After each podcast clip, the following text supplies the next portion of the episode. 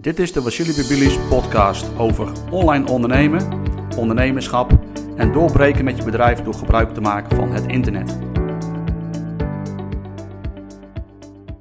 Hey, welkom bij mijn allereerste podcast. Het is super tof om jou hier te hebben. En ja, de kogels door de kerk. Ik ben begonnen met mijn eerste podcast.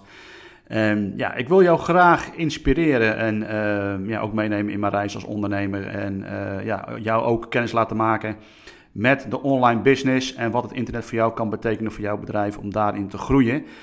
En deze podcast-series gaat eigenlijk over online ondernemen. Meer dan online ondernemen, maar ook over mijn ondernemerschap. Want op dit moment ben ik een bedrijf aan het opzetten voor een Amerikaans bedrijf uh, in Europa. En uh, ja, dat is best wel intensief. En dat brengt toch heel wat vaardigheden met zich mee. En dat wil ik allemaal met je delen. Dus ja, ik ben zeer blij uh, om jou hier te hebben in mijn podcast. En vergeet vooral niet, als je dit leuk vindt, en, ja, om mij te volgen, om te abonneren op mijn podcast. En ja, dan ben ik zeker, ik ga je zeker inspireren met, met alle dingen die ik meemaak. En ja, mijn doel is om minimaal één of twee podcasts per week te gaan opnemen. En vandaag, ja, even trap ik af. Uh, ja, je hebt net mijn introductie gehoord, dus je weet een beetje wie ik ben. Maar als je meer over mij wil weten, dan kun je altijd naar mijn website www.wassilibibilis.nl En ja, daar ja, laat ik zien wat ik in mijn mars heb en ja, wat ik allemaal doe qua ondernemingen.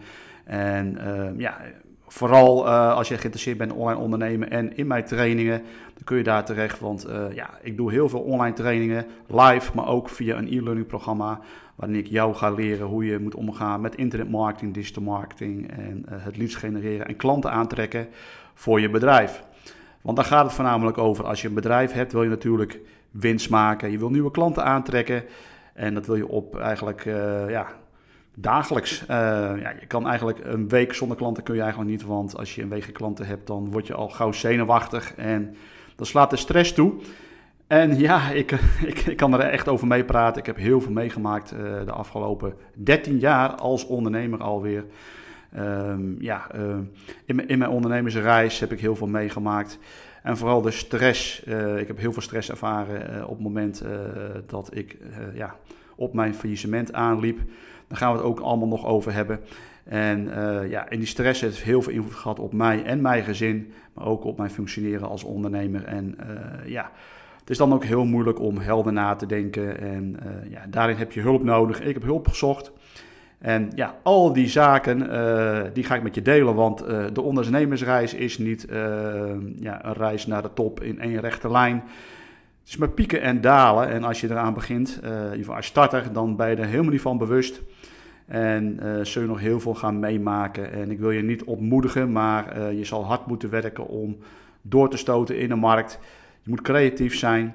En uh, ja, doorzettingsvermogen is natuurlijk heel belangrijk. Want ik weet nog heel goed toen ik startte met mijn bedrijf. Het was in 2006. Nou, ik was accountmanager bij een bedrijf en ik was het echt helemaal zat. Uh, ja, elke dag op en in naar. Uh, als ik geen afspraken had, moest ik naar het hoofdkantoor. Ik zat daar in een zuurstofloze kantoor te kijken. En uh, ja, de sfeer was niet al te best op dat moment, ook in het bedrijf. En ja, op een gegeven moment werd het bedrijf opgenomen en ik had de kans om ja, eigenlijk daar weg te gaan. Ik had een jaarcontract. En ik ben eigenlijk ook de laatste maanden daarin ook, uh, ook ziek geworden door eigenlijk de werksituatie daar. Ik kon het eigenlijk niet meer aan. En ik was ook vermoeid, uh, ook door omstandigheden in, uh, in mijn familie. En ja, ik had een zogenaamde beginnende burn-out. En ik heb toen besloten, 2006, om vanaf januari heb ik me ziek gemeld om uit te rusten en goed na te denken over mijn volgende stap. Nou, die volgende stap werd dus een, uh, een, eigen onderneming. Het was altijd al mijn wens, vanaf eigenlijk al dat ik 30 jaar was. Ik ben, ik ben inmiddels 52. Maar toen ik startte met mijn eigen bedrijf was ik 40. En ja, ik denk van ja, wat moet ik nou met de laatste 25 jaar van mijn leven in, in deze werksituatie? Ik wil iets voor mezelf gaan beginnen. Nu heb ik de kans om dat te doen. Dus ik ben eigenlijk uh, na het einde van mijn contract uh, uh, ja, ben ik in de ziektewet beland en met hulp van UWV kon ik een half jaar starten met mijn eigen bedrijf. Dat wil zeggen dat ik natuurlijk wel zelf alles moest financieren, maar ik had de tijd om alles op te zetten. En eh, ja, ik ben toen naar de Kamer van Koophandel gegaan in dat moment, naar een starterstraject en heb dat helemaal doorlopen. En in mei 2006 was het het feit dat ik mijn, mijn, ja, mijn, mijn, eerste onderneming inschreef bij de Kamer van Koophandel.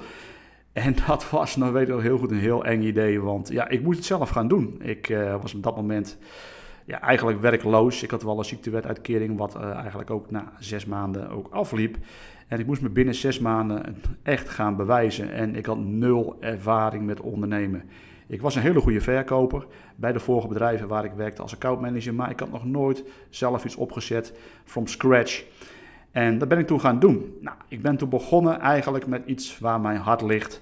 En dat is uh, ja, helmcamera's, onboardcamera's, het opnemen van filmbeelden op mijn motorfiets als ik op Assen was. Ik had een motor en die ging regelmatig naar circuitdagen. En Assen wou ik uh, ja, onboard footage, onboard beelden wou ik opnemen.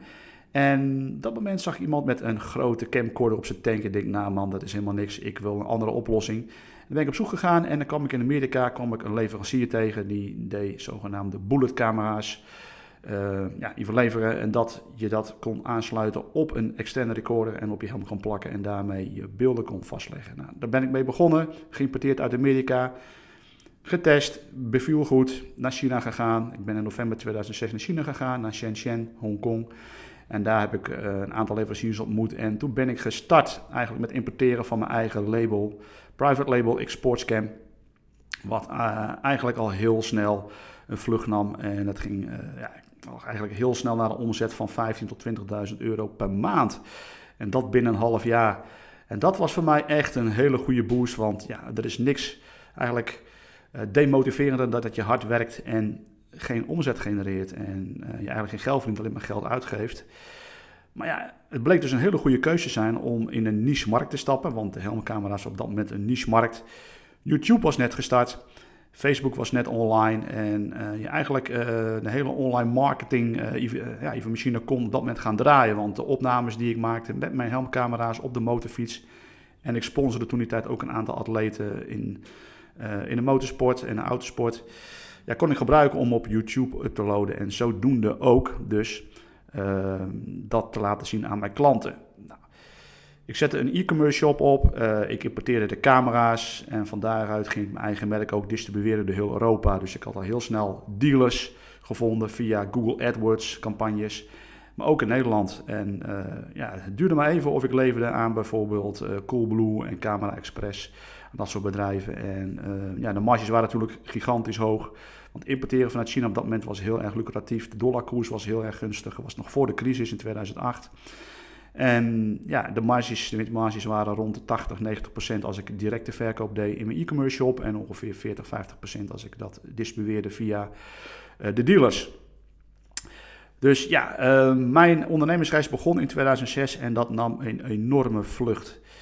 En tot 2011 heb ik keihard gewerkt en uh, in 2011 draaide ik mijn eerste omzet boven de 1 miljoen euro. En dat helemaal geheel zelfstandig, zonder personeel.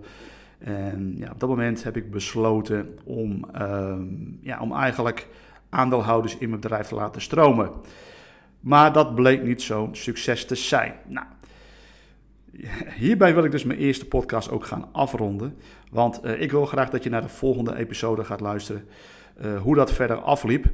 En ja, um, ik wil je hiermee inspireren, want ik, ik, wil je ook laten zien en ik stel me ook eigenlijk heel kwetsbaar op uh, ja, hoe, mijn reis hoe mijn ondernemersreis heeft gelopen en ja, wat, wat, ik allemaal heb meegemaakt, de fouten die ik gemaakt heb en wat ik daarvan geleerd heb, is natuurlijk heel belangrijk. En dat wil ik graag met je delen. Dus in de volgende episode ga ik jou vertellen hoe die samenwerking met die aandeelhouders, waarin ik mijn bedrijf gedeeltelijk heb verkocht, hoe dat verder afliep en hoe ik toen die tijd uh, ja, ben uh, eigenlijk omgeturnd naar een andere branche. En dat is de internetmarketing, de digital marketing, hoe ik dat gedaan heb.